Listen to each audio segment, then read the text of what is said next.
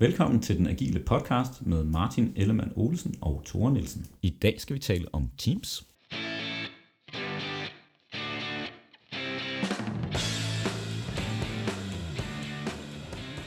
Så er vi tilbage. 6. afsnit. 6. afsnit af den agile podcast i vores nye studie. Woohoo! Vi uh, sidder hjemme hos mig i Hvidovre. Vi har flyttet studie, så hvis lyden er en smule anderledes, så kunne det være derfor. Ja, så er det derfor. Og hvis min stemme lyder en lille smule rusten, så er det også på grund af det nye øh, lydstudie, og ikke fordi jeg har fået en enkelt øl i går. Lige præcis. Nu får vi også en, øh, nu får vi besøg af vores, vores første gæst. Vores studiehund. Nej, det er ikke vores første gæst, men det er vores uh, studiehund. Oh ja. Første gæst i dag. Charlie. Så hvis I hører fodtrin i baggrunden, så er det Charlie, der gerne vil være med i uh, optaget. Vi skal i gang med dagens emne. Vi har fået en mail fra Forza, mere specifikt fra Scrum Masterne i Forza. De har et uh, netværk, eller Community of Practice, hvor ja. de mødes og snakker selvfølgelig omkring Scrum og Agile. Ja. Og de har sendt os en mail. Det viser sig faktisk, at de bruger vores podcast i deres netværk. De lytter til det inden deres møder, går jeg ud fra. Jeg går ikke ud fra, at de sidder og lytter til det sammen. Og så øh, taler de om øh, det emne, som vi har haft op i podcasten. Det er jo fantastisk. Jamen, det er jo helt vildt cool. Ja. Ja. Det er vi jo selvfølgelig rigtig beæret over, at nogen gider at for det første at høre på os. Vi er meget glade for, at vi har nogle lyttere. Ja. Øh, men også at tage, tage afsnitten op og behandle emnerne, ligesom vi gør. Det er da, det er da super fedt. Det er helt vildt fedt. Også en lille smule skræmmende, nu kan jeg mærke, at jeg får lidt præstationsangst. Meget skræmmende, vil jeg sige. Så, men super fedt. Og de tog vores trussel fra sidste gang om en uh, anekdote special afsnit alvorligt, og sendte os en uh, mail med nogle spørgsmål, så det undgår vi i denne omgang. Og det er som sagt team, vi skal tale om i dag. De bliver nogle gange oplevet i deres agile team som værende meget lukket.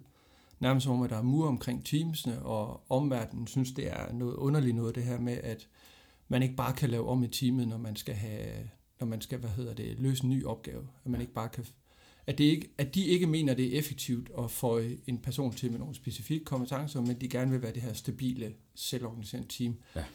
Så det er sådan set deres udgangspunkt, og så spørger de omkring selvorganisering, selvplanlægning, stabile teams, high performance osv. Basalt set, hvad er et godt agilt team, tror jeg egentlig er ja. essensen i, ja. i deres spørgsmål. Skal vi ikke prøve at starte der, og så kan det jo være, at efter vi har fået det på plads, at vi kan bevæge os hen mod den mere konkrete problemstilling, som de nævner der. Det synes jeg. Så hvordan ser sådan et godt agilt team ud? Ja, jeg kan jo skyde lige tilbage. Hvad er et team, Martin? Ja, i forhold til en gruppe, eller... det, var, det var en diskussion, vi havde, inden vi fik, øh, fik tændt for, for mikrofonerne. For mig er et team nogle mennesker, der er forpligtet til, eller forpligter hinanden til at løse en opgave i fællesskab. Altså, der er noget med at have et fælles mål, men ikke nok med det. Man holder også hinanden ansvarlig for, at man faktisk øh, arbejder hen imod det mål.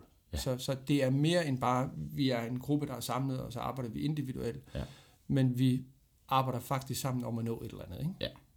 Så det, der definerer team, det er en, øh, en, en gruppe mennesker, som arbejder hen mod et fælles mål. Ja. Og det kunne være at bygge et produkt, øh, bygge noget software, som vi ser i Agile. Ja. Okay.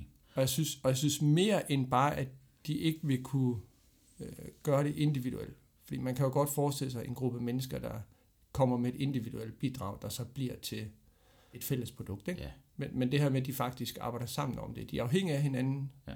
og de holder hinanden ansvarlige for, at man når det fælles mål. Ja. Eller i hvert fald arbejder hen imod det. Ikke?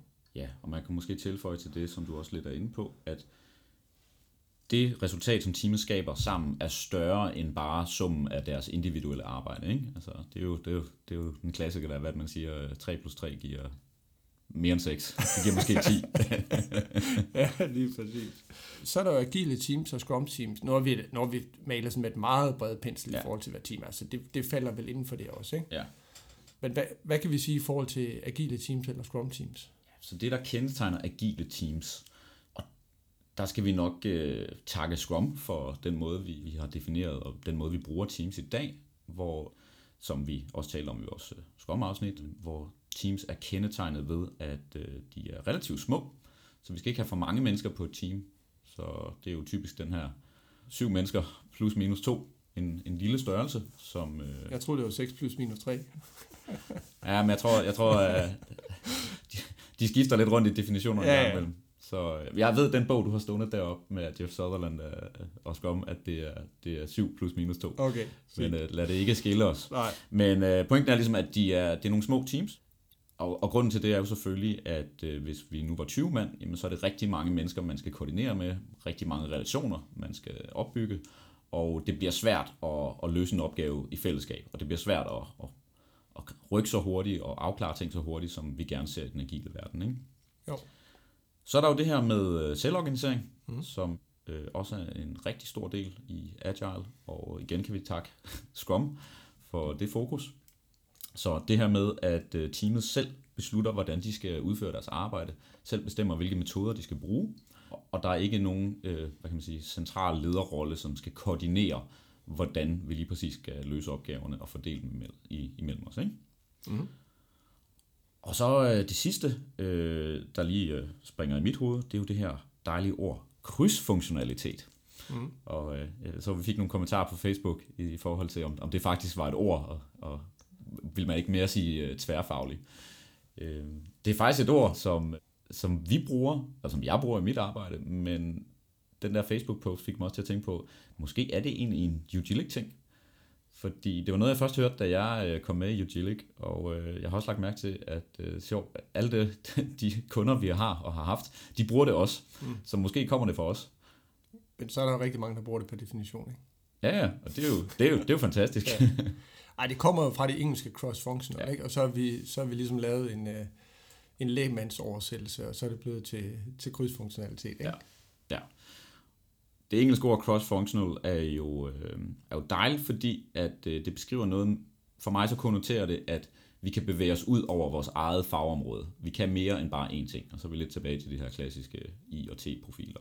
Og jeg synes tværfaglig, for mig så insinuerer det ikke nødvendigvis det så betyder det måske bare, at vi har forskellige specialister samlet på et team for eksempel, ja. og kommer med forskellige fagligheder, men jeg synes, det der krydsfunktionelle, det, det beskriver også, hvad det er, vi forventer af de her øh, individer på teamet. Ikke? Ja. Yes. Og hvis vi, øh, skal vi ikke lige tage det der med I- og T-profiler? Der, der er flere ting, du har sagt, jeg kan kommentere, men jeg, jeg oplever nogle gange, at jeg slynger det der med I- og T-profiler ud, og så kigger folk sådan lidt spørgende på mig, hvad er det for en størrelse? Det, det er faktisk ikke alle, der ved, hvad det er. Så i profiler. Nogle gange så tegner man det som personer. Det svarer til, at man står med hænderne lidt langs siden, og man er, hvad hedder det, man er meget dyb øh, i sine kompetencer, så man er virkelig specialist på et område. Men man er meget snæver, så man, man gør sig så smalt som overhovedet muligt. Det er sådan en I-profil, ja. med, med hovedet som prikken, og så kroppen dernede efter. Ikke? Og en T-profil, det svarer så til, at man, øh, man står med hvad hedder det, hænderne ud til siden, så strækker begge hænder ud til siden, mm. og så kan man ligesom mærke sine kollegaer, der står ved siden af. Så ja. udover at man stadig har den sådan dybe fagspecifikke viden, at man stadig er specialist, så kan man også lige række over og mærke de andre, så man har noget viden omkring, hvad de andre laver. Ja. Så er man udvikler, så har man forstand på test og analyse til husbehov. Så kan ja. man ligesom række ud til de to, og så videre. Ikke? Ja. Og det bliver nogle gange misforstået som om, øh, at alle skal bare være middelmåde til det hele. Og, og det er jo på ingen måde pointen, vel? Den bliver jo tit udfordret med, betyder det så, at alle skal kunne alt på et ja. team? Skal alle kunne kode? Ja. ja nej. Jeg kommer aldrig til at kode, der er nogen, der siger så. Ja. Men derfor kan man jo godt som analytiker på teamet, eller forretningsrepræsentant, eller hvad det nu er for en rolle, man spiller, have en forståelse for, når udvikleren siger, at det her er faktisk kompliceret stof, og det er svært at lave. Okay, så har jeg en anden idé om, hvad det er, der foregår. Ja. Det, det er for mig en del af det at være en T-profil. Man skal ikke nødvendigvis ja. sige, sige, stik mig tastaturet, så skal jeg nok kode det for dig, kammerat. Vel? Ja. Det, det er ikke det, det går på. Nej. Øh, ikke nødvendigvis i hvert fald. Nej, øhm. det vil være fint, men øh, det er ikke det, det går på. Og du har jo ret i, at det bliver, det bliver ret hurtigt øh, misforstået som noget meget binært. Altså enten så er du øh, specialist, eller så skal du være den der generalist, der middelmål til det hele. Ikke? Ja. Og, og der er jo rigtig mange nye, nuancer mellem de to ting. Det vigtige, vi gerne vil, eller det vigtigste, vi gerne vil opnå med de her krydsfunktionelle teams, er jo selvfølgelig, at man ikke graver sig ned i hver sin silo, og resolut ikke vil, øh, vil øh, hjælpe andre, hvis det er uden for ens fagområde, eller i værste tilfælde faktisk ikke tale og spare med andre, fordi det er uden for ens fagområde. Ja. Og, og der er det jo bare, hvis et team, lidt tilbage til, skal kunne nå et fælles mål, så er det vigtigt, at det er et fælles ansvar at nå målet, og det er ikke bare, man ser det som et individuelt ansvar at nå, jeg skal bare have skrevet koden, så er jeg home, home free, ja. og så må de andre sidde og bøvle med testen bagefter. Ikke? Ja, lige præcis. En anden ting, du sagde, som kendetegner et, øh, et agilt team eller et scrum team, nu bliver vi lige i scrum-terminologien, det var det her med, med selvorganisering. Og det var også en af de diskussioner, jeg havde med, med den ledelsesgruppe, øh, ledergruppe, jeg havde på kursus i går. Det var det her selvledelse kontra selvorganisering. Ja. er også en af de ting, der nogle gange er elastik i metermål, og nogle gange også bliver, også bliver misforstået. Ikke? Så, så når, vi siger, når vi siger selvorganisering, så er det i virkeligheden, hvem der løser opgaven, og hvordan de løser opgaven. Ja. Det styrer de selv internt i teamet. Ikke? Ja. Jeg går ud fra, at du er enig. Ikke? Jo. Hvad de så skal lave, det afhænger jo lidt en hel masse parametre. Mm. Modenhed, organisation, hvor komplekst det er, alt muligt andet. Ja. Fordi noget af det skal product owner afgøre. Ja. Product owner prioriterer product backloggen og rækkefølgen på tingene, der skal laves osv. Men der er altså også en ledelse, der sætter en strategisk retning, der beslutter, hvilke markeder skal vi agere på, hvilke kunder skal vi, øh, skal vi have øh, og satse på, øh, osv. osv., osv. Ikke? Så, så der, bliver det, der bliver det lidt et samarbejde øh, mellem, øh, mellem de to parter. Og så kan du sige, why øh, er, er formentlig noget, som ligger mere rent til ledelsen. Ikke? Ja. Så, så, så for mig vil selvledelse være, vi beslutter selv, hvilke kunder og markeder vi vil være på, hvis mm. Mhm. vi tager det som eksempel. Vi beslutter selv vores løn. Ja. Ja. Øh, vi beslutter selv, hvem der er på teamet, sammensætning af teamet, Ja. ja. alt muligt andet. Ja.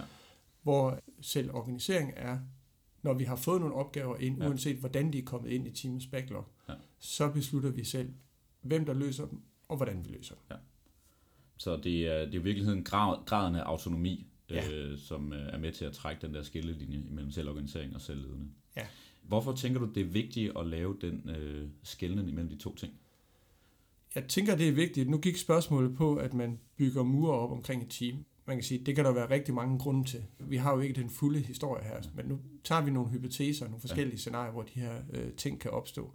Ja. Og det kan jo blandt andet opstå, hvis teamet oplever, at nogen udefra overstyrer dem i forhold til, hvad det er, de skal lave. Ja. Så kan det være en måde at sige, vi, vi prøver ligesom at, at bygge et værn mod det, fordi vi jo øh, også har lært i det agile, at der er en ret stor grad af autonomi. Der, der er nogle ting, vi selv kan Ja. bestemme i forhold til, hvad vi skal lave. Ikke? Ja.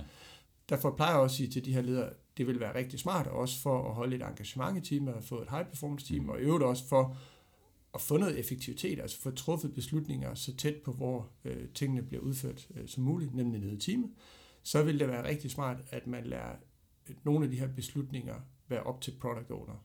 Så product owner kan tage, nu siger jeg, mindre krav ind direkte fra kunderne Mm. eller fra interessenterne. Ja. Men det er nok ikke dem, der sådan skal definere den overordnede retning på virksomheden, kan man sige, ikke? hvis vi sådan skal tage de to ekstremer. Det jeg oplever i forhold til øh, hele det her omkring selvorganisering og selvledelse, det er, at hvis der ikke er en forventningsafstemning omkring, hvad betyder det at være selvorganiserende, så kan det meget hurtigt give bagslag. Fordi hvis øh, et team får at vide, nu er I selvorganiserende, men i øvrigt så skal, øh, skal I sidde her, og I skal være på det her team, og det er det her, den her, det her domæne, I skal arbejde indenfor. Mm. Så, virker det jo, så kan det jo godt virke ret paradoxalt og selvmodsigende for, for dem, som sidder på, som siger, okay, nu skal vi tage noget ansvar, men I bestemmer stadigvæk over os. Ikke? Mm. Og der er det jo nok rigtig vigtigt at have en forventningsafstemning omkring, hvad er det, vi har autonomi indenfor. Altså, og du er lidt tilbage til rammerne, ikke? Mm. Så hvad må vi selv organisere indenfor? Hvad er vores domæne, og hvad er der en bredere ledelse, som har det sidste, øh, hvad kan man sige, ord i? Og der synes jeg jo, øh, Jürgen Appelo, blandt andet kendt for Management 3.0, har et ret interessant take på det, hvor han øh, har det her omkring grader af delegering, hvor man kan sige, at i den ene ende, så er det fuld diktatur, der er en, der bestemmer, og det, jeg tror, han har sådan en syvtrinskala, det er måske et, og på syv, jamen, så er det fuldstændig øh, autonomi og det der er selvledende. Ikke? Mm. Og der siger hun, at der er nogle grader imellem det, i forhold til, hvis du... Øh, de fleste vil jo nok gerne ende der, hvor der er maksimal autonomi, autonomi der kan lade sig gøre, fordi Mm. så kan vi bare en masse ting og tage hurtige beslutninger og sådan noget, og det er også fedt at arbejde med. Men hvis du tager springet fra en 1 til 7 med det samme, så, øh, så bliver det også rigtig svært at være i. Og han, hans analogi, og analogi er jo farlige, de kan hurtigt gøre det meget banalt, men det er jo det her med, med, med hestene, hvis du bare øh, fjerner et, øh, sætter dem ud, eller hvis de har et stramt hegn, et lille hegn, indhegning omkring sig, Mm. så øh, hvis du bare fjerner øh, hegnet med det samme, jamen, så ved de slet ikke, hvad, hvad de skal gøre ved sig selv. Ikke? Mm. Så er der noget med, at du udvider det her hegn og den her spilleplade, som teamsen arbejder for, gradvist, så det er også trygt at være i, og det der med at lige pludselig skulle tage en masse ansvar, det er nødvendigvis heller ikke særlig fedt for en medarbejder. Og øh, der ser vi også tendenser i, at, at folk oplever stress, hvis de lige pludselig får kastet alt for meget ansvar og for mange ting, de skal tage stilling til øh, i hovedet af en leder, hvis, hvis, hvis, hvis rammerne ikke er klar til det endnu, og personerne ikke er klar til det endnu. Mm. Jeg er meget enig. Det handler også lidt om, hvor modent er det her agile team. Ikke? som, øh, som vi giver opgave til, hvis, Ja. det, er, hvis det er det, der er scenariet. Ikke? Og der er det jo rigtigt, der vil man jo delegere på forskellige niveauer, afhængig af både, hvad det er for en type opgave, altså hvor strategisk vigtig er den her opgave, hvor meget kan de beslutte selv. Hvis det, hvis det ligesom er make it or break it for organisationen, så vil man måske være mere ind over som leder, end hvis det er et ændringsønske, som øh, ikke betyder noget, så finder de selv ud af det. Ikke? Hvad tænker du om det med, med teamets modenhed i forhold til at være selvorganiserende? Ja, som, som jeg tolker modenhed, så, jamen, så er det jo vigtigt i forhold til at kunne gøre det her, og kunne selvorganisere. Øh, men jeg har lidt stramt med det her begreb modenhed.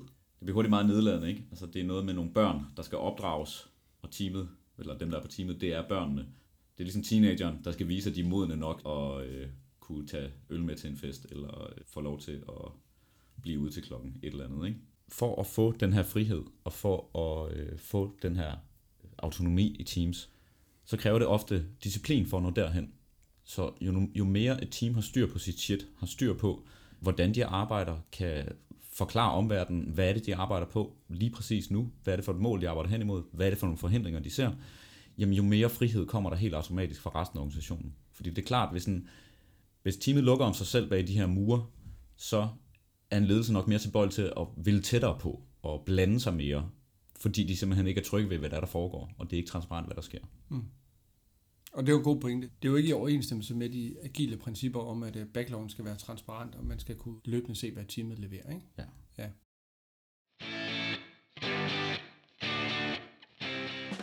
Jeg synes egentlig, det er en meget god anledning til at snakke om deres næste spørgsmål, som går på øh, high performance teams. Men hvad er et uh, high performance team egentlig? Det er faktisk det, de spørger om. jeg, synes, jeg synes, det kan være svært at sætte sådan en formel på. Man kan opleve sådan et team, der bare performer. Og det er sådan nærmest magisk øjeblik, og så er det svært at sætte, sætte formel på, hvad det er. Ja. Hvis jeg alligevel skal prøve, så synes jeg, at den model, som øh, Patrick Lencioni har skrevet om i Five Dysfunctions of Team, er et udmærket sted at starte. Og jeg bruger den også i coaching, og du bruger den også øh, i dit arbejde. Ikke? Helt bestemt. Og det han siger, det er jo, at hvis ikke der er tillid til hinanden, det er sådan fundamentet i hans model, så er alt andet stort set ligegyldigt. Ja. Og er der ikke tillid til hinanden, så kan man ikke tage, jeg kalder det konstruktive konflikter. Han siger konflikter, jeg siger konstruktive konflikter. Ja. Kan man ikke tage konstruktive konflikter, eller tager man ikke konstruktive konflikter, så føler man sig heller ikke ansvarlig for det, man skal lave. Ikke? Ja. Og føler man sig ikke ansvarlig, så holder man heller ikke hinanden op på det, Ja. det han kalder accountable. Ja. Det vil sige, man kalder, man kalder ikke den anden, øh, hvis det er sådan, at man ikke lever op til de aftaler, vi har lavet. Og gør man ikke det, så er man stort set ligeglad med resultatet. Ja. Ja. Så betyder det ikke nok for en, om teamet faktisk når resultatet. Ja. Så det, det synes jeg er sådan en meget god model for at sige, at det er et high performant øh, team. Og man kan jo bruge den til at øh, forklare den adfærd, man observerer, eller forklare, okay, vi har et team, som bare ikke kan levere. Og så kan man jo bruge de der trin til at dykke ned i, hvor er det, der går galt herinde. Ja. Og så er det jo, du siger, at tit i sidste ende, så handler det om den her grundlæggende tillid til hinanden, ikke? Ja. Stoler vi på hinanden? Ja. Øh, er vi trygge? Jeg tror også, det var Google, der her inden for de seneste år havde forsket i de her high performance teams, og der fandt de også frem til, at den absolut mest afgørende faktor, det var den her var det psykologisk sikkerhed. Ja. Øh, altså det der, man følte sig tryg i øh, at være øh, sammen med de andre på teamet, følte sig tryg i, at man havde et job, så man havde den her sikkerhed her. Det var simpelthen alt afgørende for, hvordan et team i sidste ende så performer. Nu sidder jeg med den her, så det er ikke fordi, jeg hvad hedder det, kan huske det udenad. Men de havde, de havde studeret 180 teams og havde kigget på 250 egenskaber. Og deres hypotese var egentlig, at det vigtigste var, hvem vi satte sammen på teamsene. Ja. At det virkelig var personerne. Ja. Og som de siger, resultatet var egentlig så langt fra, fra det, som man kan forestille sig. Ja. Det, det handlede om, det var det her, som du siger, psykologisk sikkerhed. Kan vi tage chancer øh, Ja. På teamet, uden at føle os flove, og Ja. uden at der er repræsalier, hvis Ja. ja. det ikke lykkes. Pålidelighed, kan vi regne med de andre på teamet, leverer i samme høje kvalitet, som vi selv gør. Struktur og klarhed, kender vi vores mål, vores roller, øh, er det tydeligt for os. Betydning af arbejde, altså det her med, er det vigtigt for os, det vi laver. Ja. Og så arbejdets effekt, tror vi helt grundlæggende på, at det gør en forskel, Ja. ja. det, vi, øh, Ja. det vi laver. Ikke? Det var sådan de, øh, de fem øh, faktorer, de fandt, at det var Ja. det, der kendetegnede high performance teams. Ja. Så jeg, jeg synes måske, det er det er måske svært at oversætte, kan man sige, eller noget af det er jo, noget af det i forhold til mål og roller og planer osv., det kan man jo arbejde ret konkret med. Psykologisk sikkerhed er vel et eksempel på, der skal du have resten af organisationen med og have ledelsen med i forhold til at skabe rammer for, at teamet tør tage en chance. For mig at se, det med psykologisk sikkerhed, det handler jo rigtig meget med, tør du være sårbar? Tør du vise, ind, vise din uvidenhed, eller din bekymring, eller øh, øh, din skepsis øh, over for de mennesker, du sidder og arbejder sammen med? Og der er det min erfaring, at det er rigtig vigtigt, at man som organisation og ledelse begynder at vise vejen, og begynder at vise, at det er okay at være sårbar. Begynder at vise sårbarhed, begynder at være ærlig omkring alle de ting, man ikke ved endnu. For eksempel, hvis vi ser det i en kontekst af en agil transformation, hvor vi skal opbygge de her teams. For at skabe mere psykologisk sikkerhed for teamsene, så er der også noget med, at man som leder tør melde ud, at vi har ikke, vi ved ikke alt endnu, hvad der virker. Vi ved ikke præcis, hvordan, øh, hvad for et øh, slutscenarie vi, øh, vi ender i, men være transparent omkring det. Fordi, så det er også tryggere at være i som teammedlem, og turde være transparent omkring de ting, man, man er bange for eller bekymret for. Mm. Og tit så er der jo mange, der, øh, der godt kan være bekymret for deres jobsikkerhed, når, når de her forandringer kommer. Mm. Så nu får vi at vide, at vi må ikke være superspecialister mere, og det er ikke så meget individuel performance mere, nu skal vi arbejde sammen som teams. Og der er det jo en ret reel bekymring, har jeg et job, når det her det, det ruller? Mm. Øhm, og der synes jeg som organisation, at det skal man uh, kunne tale åbent og ærligt om, og ikke uh, lidt dans, lad den, lad den hænge i, luften, og prøve at danse lidt udenom den, ikke? Når, mm. vi, når vi snakker om de her teams, og vi snakker om krydsfunktionalitet og de her ting. Jamen, med ærligt at sige, jamen enten, at vi kan ikke give jer jobsikkerhed, det kan godt være, at, uh, at for nogle af jer, så, så at, at det ikke det er ikke for jer. Ikke? Mm. Det er ikke nødvendigvis for alle at arbejde på den her måde, og så være ærlig omkring det. Eller hvis man kan nå det her og sige, vi kan godt garantere job for alle, vi kan bare ikke, vi kan garantere jobsikkerhed, men vi kan ikke garantere rollesikkerhed. Mm. Så vi vil rigtig gerne have alle til at blive her, men I skal, forvent, I skal ikke forvente at kunne sidde lige præcis i den samme rolle, som I gjorde før, og så være åben og ærlig omkring det. Mm. Det har jeg i hvert fald oplevet, at det giver en, øh, en helt anden ro, og det, det er nærmest befriende at kunne i talsætte de der ting, fordi det er sådan noget, som spiller ind på den adfærd, vi så ser hos hinanden, og i sidste ende også, hvordan vi performer det leder i mine tanker tilbage på den her snak omkring high performance teams og hvad der skal til, og modellen, vi snakkede om før. Og det her med tillid til hinanden. Ja. Og der, der tror jeg, der har du en pointe i, der er nogen, der skal sætte nogle rammer, der gør, at vi tør være sårbare. Ja. Men lige præcis det der element med, at vi tør sige, det ved jeg ikke. Ja. Øh, hjælp mig. Og måske også dele mere ud, ikke kun af det faglige, men også af det personlige. Det er altså utrolig stærkt i forhold til at skabe den her tillid til øh, hinanden. Ikke? Ja, Ja, og tillid, det er jo sådan en, øh, en besværlig ting. Altså, det er svært at, at tage, tage noget tillid ned fra hylden, og så gå ud og implementere det mm. i en organisation. Ikke? Ja. Altså, det er jo altid en afledt effekt af en masse andre ting, vi gør. Ikke? Ja. Og det er sjældent én ting, der skal til. Og, og hvad kommer først? Er det, at jeg viser dig tillid? Eller er det, altså, hvor, hvor den starter med at rulle bolden, ikke? Jo. Jeg synes, jeg synes, der hvor vi plejer at starte, det er lidt tilbage til situationsbestemt ledelse. Vi kommer ud som coaches, og så er vi i starten meget instruerende siger, nu skal vi til at køre Scrum, du skal gøre sådan, du skal gøre sådan, du skal gøre sådan. Det er lidt fortegnet, men, men det er jo lidt det, vi gør. Og her er et forslag til, hvordan tavlen kan se ud, sæt i gang. Og så bliver teamet mere og mere, du havde udtrykket modent, og begynder at tage over, og begynder at forme rollerne, og begynder at lave om på den måde, de bruger tavlen på, og alle de her ting. Ja. Og i den proces er det jo vigtigt, at de kan tage de her konstruktive konflikter. Ja. Så der skal de have bygget den her tillid, ja. for at kunne tage de der konstruktive konflikter, så det ikke bare er den, der råber højst, ja. der bestemmer, hvordan den nye tavle skal se ud. Nu bruger ja. vi lige det som eksempel. Men den introverte også tør give sit besøg med at sige, jeg er faktisk ikke enig, jeg synes ikke, den skal se sådan ud, ja. eller hvad det nu måtte være. Ikke? Ja. ja, og her er det jo vigtigt, at man ikke øh, graver sig ned i hver sin øh, skyttegrav, når tingene så bliver svære. Det er altid her, at ledelsen bliver testet. Vi laver de her teams, vi indfører de her selvorganiserende principper, og så er, er hvad kan man sige, lakmusprøven, hvor lang tid går der før, at ledelsen bliver utålmodig, hvis ja. der nu ikke viser resultater. Ikke? Ja. Og hvad er det så, man gør som leder? Ja. Er det første gang teamet de fejler, eller det ja, ikke når målet, eller ramt ved siden af, går man så ind og begynder at øh, micromanage og, og, og, og give dem spændetrøje på, eller, eller hvad er det, man gør? Mm. Enig. Tilbage til øh, spørgsmålet. Vi, vi har mange gode diskussioner, men vi, vi går lige tilbage til spørgsmålet fra, fra Forse. Oplevelsen er, at de bygger mure op omkring teamsene. Ja.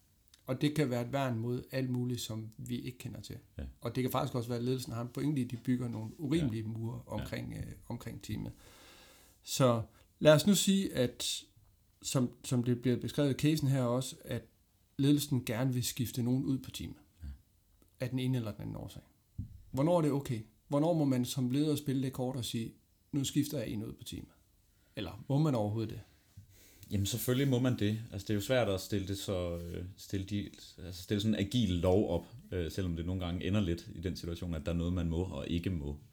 Altså grunden til, at vi gerne vil have stabile teams, det er jo ud fra en bevidsthed om, at når der er ændringer, at der kommer nye personer til, og folk forlader, jamen så har det en effekt på vores evne til at performe. Ikke? Altså det har en omkostning, fordi så skal vi lære en ny person at kende, vi skal lære at arbejde sammen, og vi skal lidt måske ikke resette vores øh, proces og arbejdsmetode, men vi skal i hvert fald genforhandle og få den her nye person ind i det. Ikke? Og der er det jo vigtigt at være bevidst om, at det har en omkostning.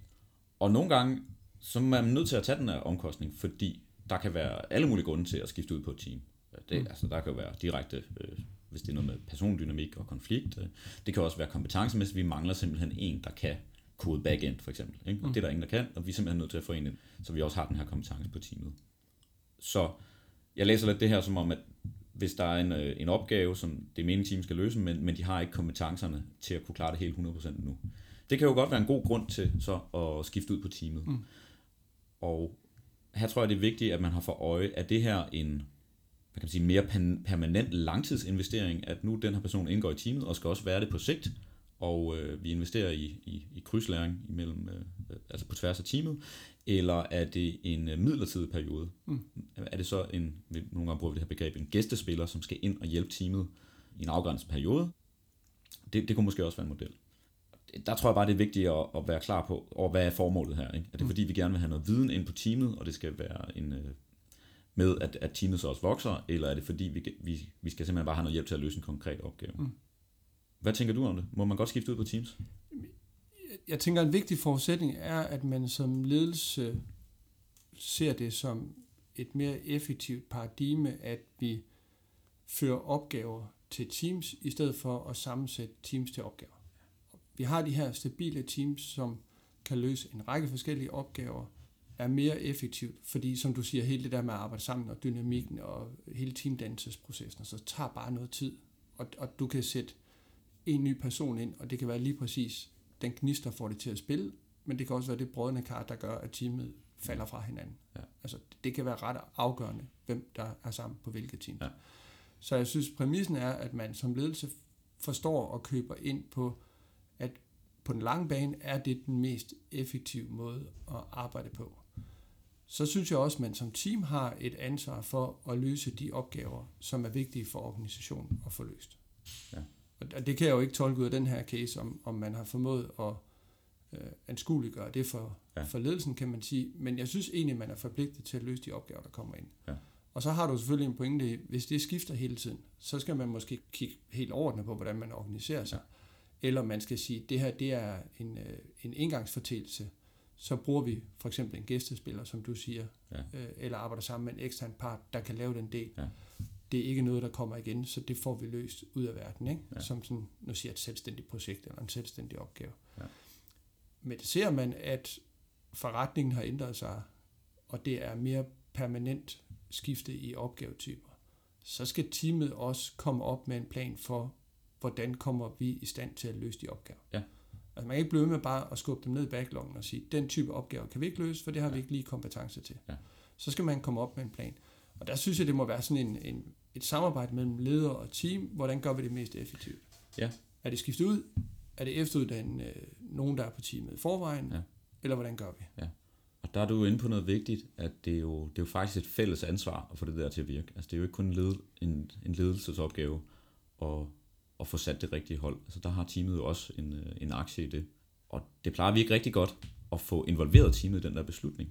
Og få lagt øh, kendskærninger frem og sige, vi står i den her situation, vi mangler den her kompetence, mm. eller vi kommer til at blive ramt af den her type opgave i fremtiden. Hvad synes I, vi skal gøre? Mm. Sådan at de ikke oplever, at det er den der top-down approach, hvor man lidt bytter rundt på folk, lidt ligesom man, man gjorde med projekter i gamle dage, og de sådan set bare var nogle, øh, nogle brikker i et spil, og ikke rigtig havde noget, øh, hvad kan man sige, nogen indflydelse på den. Ikke? Så det der med, at de bliver involveret og bliver taget seriøst, ikke? Mm. Øh, fordi der kan, jo, der kan jo være alle mulige løsninger, som en ledelse måske ikke lige har set nu, eller Øh, Øh, det kan være, at teamsene kan tale sig frem til en løsning. For nogle gange, så er løsningen måske også, at teamet tænker, jamen ved du hvad, det kan vi sgu da lære selv det der. Hvis vi får lov til at låne øh, øh, Uffe øh, over for den der afdeling i et par sprints eller to, jamen, så kunne vi faktisk godt tænke os at lære den her skill, som vi mangler. Og øh, på den måde, så får de jo også mulighed for at tage initiativet og tage ansvaret og finde en god løsning på det, så det ikke bare bliver, bliver lidt den klassiske, så, så skal vi sidde og diskutere om at rykke folk rundt og alle de der ting. Ikke? Ja, lige, øh, lige præcis.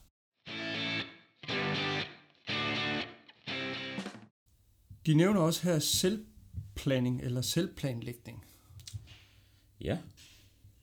Så det her med, hvem har egentlig ansvar for planen? Og vi, snak, vi snakkede lidt om det i starten. Er der sådan en overordnet masterplan? Der er i hvert fald en strategi, som ledelse ja. har ansvar for.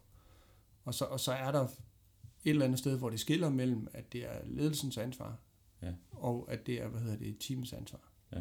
Hvad ligger du i, hvordan tolker du ordet selvplanlægning? Jeg tolker det her som, at teamet laver deres sprintplan. Altså jeg, jeg er faktisk helt nede på, på det niveau, ja. hvor teamet laver deres sprintplan. Ja. Og jeg kan jo ikke læse ud af den her tekst, om, om der er nogen, der blander sig i den sprintplanlægning, som nej. det ikke skulle. Men det synes jeg ligesom, at det er ledelsens ansvar at stå for den overordnede strategi. Den er, det er sådan rimelig klart ja. øh, ansvarsfordeling. Ja. Så er det også en rimelig klar ansvarsfordeling, at det er teamets ansvar at planlægge sprintet. Ja, det er jo Scrum. Altså. Det er det jo. Altså, det, er jo det er jo indiskutabelt. Ja. Så, så hvis vi sådan skal have en debat ud af det, så skal vi jo sige, at vi har en større opgave, Epic, en feature, mm. et eller andet, som kommer på teamets backlog. Ja. Hvem har så ansvaret for at få den planlagt og prioriteret? Ikke? Ja. Og der, der får de jo på et eller andet tidspunkt en størrelse, hvor de minder lidt om et strategisk tiltag, og derfor kommer til at smage lidt af den ene variant, ja. og andre gange er brudt ned, så det smager lidt mere af noget product owner skal være i stand til at planlægge. Ikke? Ja. Og, og det kan der jo godt komme en konflikt ud af. Det har jeg i hvert fald oplevet, at der er ledere, der synes, de er meget insisterende, de vil meget gerne have et eller andet planlagt, og teamet synes i virkeligheden, at, at det er vigtigt at lave noget andet, ikke? Ja. set fra deres perspektiv. Ja. Hvad tænker du om det? Altså, jeg er jo tryg nok øh, ved, ved dig og vores lyttere til at indrømme, at jeg har faktisk ikke øh, stødt på begrebet selvplanlægning øh, før. Øh, så jeg ved ikke, om det dækker over noget helt konkret, men hvis vi tolker den sådan, som du siger det, ikke? Øh, jamen, så er det jo nok i det der, vi er lidt tilbage til det der kontinuum af autonomi, altså mm. hvor, hvad er vores område, vi kan selv tage ejerskab for at styre, ikke? og det er klart, hvis du er en del af et skaleret setup, øh, du arbejder på et større projekt eller program, så er der jo nok nogle beslutninger, som er taget højere op fra, eller i hvert fald taget nogle andre end teamet, ikke? Og så er det at finde ud af, jamen, hvad, hvad er det så, vi kan tage beslutninger inden, indenfor, ikke? Mm. Og der er jo nok øh, mange, som har prøvet at sidde på team, at, at, at det, det kan også være enormt frustreret, hvis man ligesom nedarver nogle beslutninger, som man er uenig i, ikke? og man, man synes egentlig, at vi skulle løse problemet på en helt anden måde. Ikke? Mm. Og igen, så tror jeg, at løsningen er at få noget transparens omkring det, så vi kan have en ærlig åben snak om, jamen, er der et eller andet her, der skuer, ikke? At, altså, er der en grundpræmis, vi skal have genforhandlet i forhold til øh, hvad, altså, den overordnede retning, eller hvad det kan være. Ikke? Mm. Men afhængig af, altså, hvis, det er en, hvis, hvis vi bare taler om en organisation, der har mere end et team, så er det jo svært at tage fuldstændig ejerskab for hele strategien og dermed hele planen som et enkelt team. Ikke? Mm. Det hænger vel også sammen med, nogle gange så ser vi produktteams, typisk når det er lidt, nu siger jeg mindre produkter, eller lidt mindre udviklingskrævende produkter, så har vi jo et team, der står for hele produktet. Ja. Og andre gange, så har vi, så har vi feature teams, ja. eller komponent teams for den sags skyld. Og så kan der være mange teams, der tilsammen skaber et produkt. Ja. Det, det betyder vel også noget for teamets rolle i at planlægge, hvad der skal laves, ikke? Jamen helt klart. Altså, hvis vi laver nogle delbidder til en, til en samlet løsning, eller samlet produkt, så besværligt det gør det, eller så er det i hvert fald afgrænset, hvad vi kan tage beslutninger indenfor. Mm. Og den der følelse af ejerskab, og lidt tilbage til følelsen af, at det man arbejder med skaber, det har faktisk en effekt. Mm. Det er vi jo nok nærmere ved det, der vi kan kalde dem feature teams, eller produktteams, dem der som egentlig kan tage ejerskab for hele løsningen end-to-end, i hvert fald set fra et brugerperspektiv. I hvert fald det, jeg har oplevet, at det, det, fjerne, det, det er langt mere frustrerende at kun sidde og skulle øh, levere en delkomponent ind til noget, end det er at egentlig kunne, kunne klare den fra ende til anden, og så se effekten på din modtager og din bruger, mm. og så dermed have godt udgangspunkt for at tage den rigtige beslutning. Hvad skal mm. vi så gøre næste gang? Ikke? Præcis. I sådan en skaleret model, øh, så har jeg med succes set, at man har en direktion, som beslutter, hvad de strategiske temaer er. Det er vi sådan ret enige om. Det, det, det er deres overordnede ansvar. de kan få alt muligt input og sådan noget, men det, men det er deres ansvar. Så opererer man med et mellemlederlag, som består både af IT og forretning, så sådan lidt krydsfunktionelt, kan man sige mm. i virkeligheden, som med hjælp fra teamsene, de gør det ikke alene, får taget de her temaer og brudt dem ned i nogle features. Og det, jeg synes ligesom er tricket, det er, at det er dem, der definerer featuresne, og så præsenterer for direktionen mm. de strategiske temaer, I har besluttet jer for, har vi brudt ned i de her features. Ja. Så det ikke er den anden vej rundt, at ja. nu har vi brudt det ned, og det er det her, I skal lave. Ikke? Ja. Og så på teamniveauet har man så taget de her features og sagt, med den prioritering af features, I har i jeres øh, overordnede backlog, så vælger vi at fordele dem på den her måde i teamsene. Så det i virkeligheden er product ownerne på teamsene i fællesskab, ja. der fordeler, hvilke teams, der laver hvad. Ja. Det, det er for mig sådan et udtryk for en høj modenhed. Ja. Og, så, og, det, og det giver jo øvrigt også en masse, altså man føler sig enormt involveret og engageret, så det giver også noget arbejdsglæde. Ikke? Og så på teamniveau har man så brudt det ned i user stories og kommet tilbage igen, ligesom nedefra op med forslaget om, når I har prioriteret den her feature, så har vi brudt det ned i de her 10 user mm. stories. Mm. Vores forslag er, at vi laver de syv og gemmer de tre andre til senere, ja. for eksempel. Ikke? Men stadigvæk ligesom søgt den der, øh, nu siger jeg accept i mangel af bedre ord, ikke? Ja. af hvordan tingene bliver, bliver prioriteret. Ja. Så det, det kunne være en måde at planlægge på tre forskellige niveauer. Ja. Og igen, det er jo vigtigt at have, have gjort det fuldstændig klart, hvad er rollefordelingen her? Hvor løber vores ansvarsområde til? Så der, altså meget frustration og forvirring opstår jo typisk, fordi man ikke rigtig ved, hvad må vi reelt set selv beslutte, eller hvor er det, vi skal sparke tilbage, hvis vi gerne vil have gjort det anderledes. Ja. Og hvis spørgsmålet nu handler om, i hvor høj grad den enkelte udvikler selv må planlægge sit daglige arbejde, så må de godt lige skrive igen, ikke? fordi så har vi totalt misforstået, hvad spørgsmålet går ud på. Ja, så hvis vi har fejlfortolket det, så skriv lige til os igen. Ja. Ikke? Vi synes, vi får nogle gode diskussioner ud af de spørgsmål. det er ikke sikkert, de er relevante for jer. Nej, lige præcis.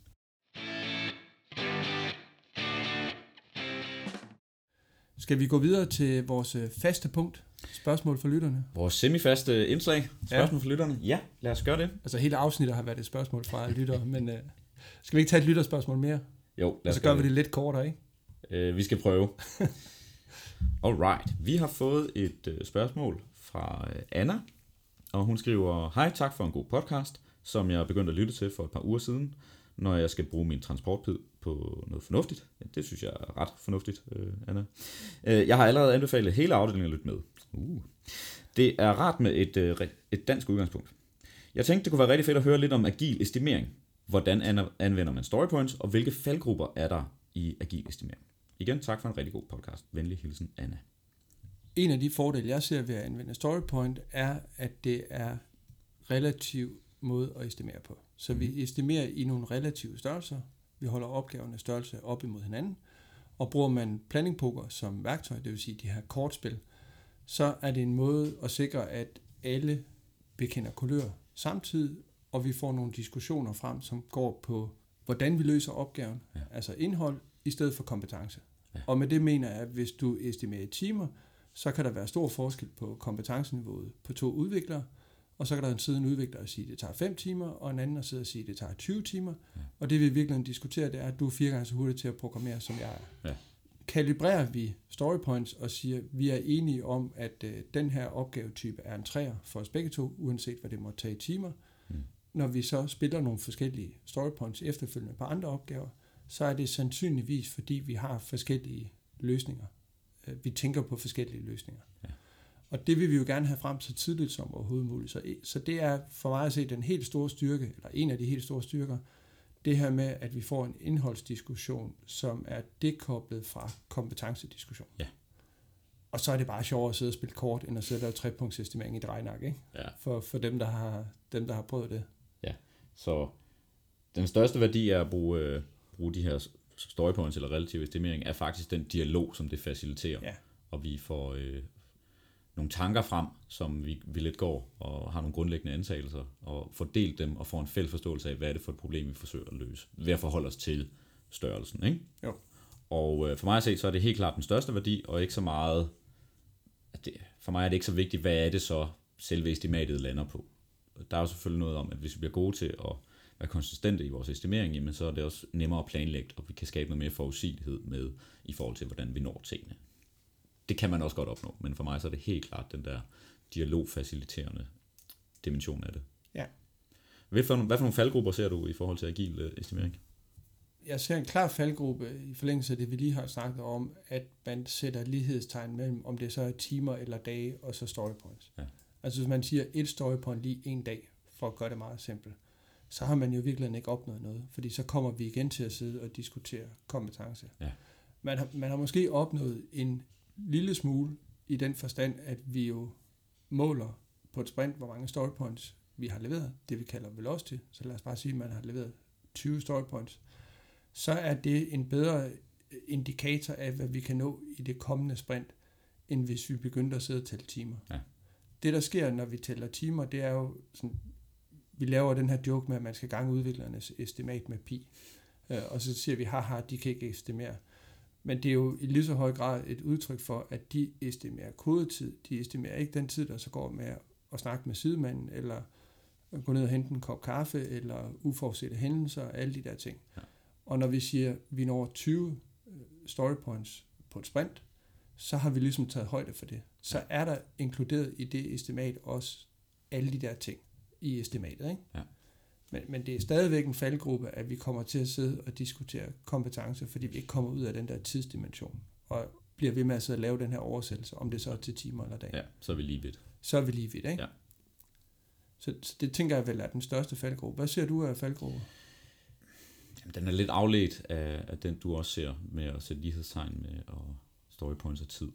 Det er jo virkeligheden det der med, at det fastholder, øh, det, kan, det kan lulle os ind i, hvad kan man sige, et mindset, som vi egentlig gerne vil væk fra med Agile, men det her mindset om, at vi rent faktisk kan forudse verden og forudse, overskue den her kompleksitet, som der ofte er i opgaverne, og hvad kan man sige, gå ud og måle størrelsen på en opgave ved at skulle estimere den i tid. Ikke? Og det vil vi gerne væk fra. Mm. At vi begynder at acceptere, jamen der er usikkerhed, og begynder at acceptere, at vi kan ikke vide tingene på forhånd, og i virkeligheden have det her lidt mere ydmyge udgangspunkt, når vi øh, går til en opgave. Og hvis vi arbejder meget med at estimere i absolute enheder, jamen så bliver vi fastholdt i den her, øh, måske, altså det er jo ikke sådan en bevidst handling, men vi bliver lidt ubevidst fastholdt i den tro, at vi kan forudsige projekters gang, og forudse, hvad er det lige præcis, der virker hos kunden, og forudse øh, lige præcis, hvordan et udviklingsforløb kommer til at være. Mm. Det, er, det er ikke så hensigtsmæssigt, når vi skal lære at arbejde agilt. Enig.